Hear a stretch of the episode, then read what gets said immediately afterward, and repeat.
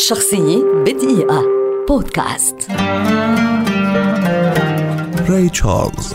موسيقي كاتب أغاني ومغني سول وبوب وكونتري أمريكي ولد عام 1930 ويعد واحدا من أشهر فناني عصره على الإطلاق وهو علم من أعلام الموسيقى العالمية وأحد العشر الخالدين حسب المجلة الموسيقية رولينج ستون ظهرت موهبة تشارلز في سن صغيرة جدا فقد بدأ الغناء والعزف في سن ثالثة وبدأ مشواره الفني طفلا في مقهى ريد وينج حيث سمح له مالك المكان بالعزف على البيانو. في سن السابعة بعد حادثة تعرض لها فقد تشارلز بصره بالكامل. ما اضطره للانضمام إلى مدرسة مختصة ليتعلم كتابة وقراءة الموسيقى بطريقة برايل واكتملت تراجيديا طفولة تشارلز حين فقد والديه قبل بلوغه سن الخمسة عشر عاما. عام 1947 انتقل تشارلز إلى سياتل وعاش عدة سنوات من البؤس عازفا على البيانو في المطاعم والمقاهي الصغيرة قبل أن يلتقي المنتج كوينسي جونز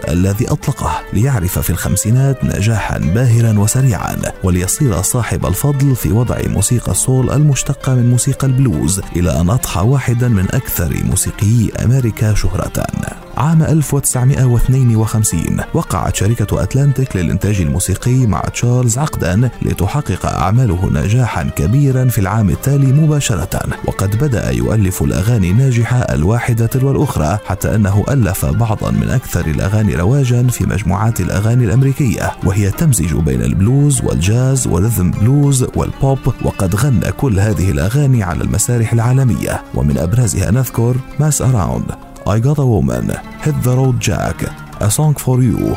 و Let It Be. حصد ري تشارلز خلال مسيرته 13 جائزة جرامي وقد شارك في عدد من الأفلام السينمائية أيضا. إنه دون شك أيقونة موسيقية فنية خالدة. شخصية بدقيقة.